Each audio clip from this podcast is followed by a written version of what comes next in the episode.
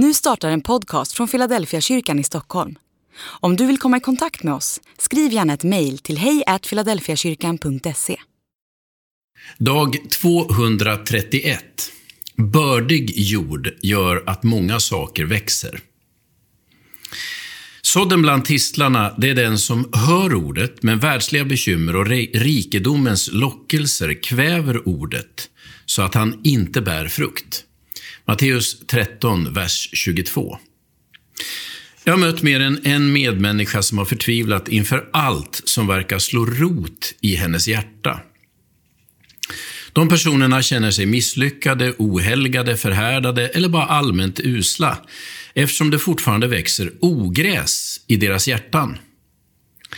De har varit kristna i många år och upplevt Guds godhet och välsignelse, men ändå tappar de då och då fokus på Gud och på Guds rike.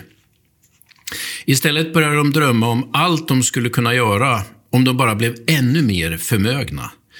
Eller så börjar de i hemlighet längta efter en ny förälskelse, trots att de är gifta sedan många år.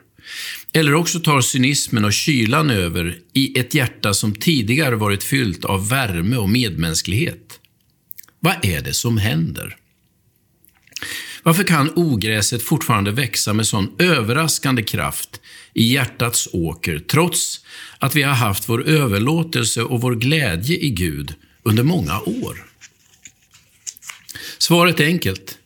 Hjärtats åker verkar vara rena dynamiten för allehanda ogräs. Det betyder inte att det är något fel på oss, snarare tvärtom.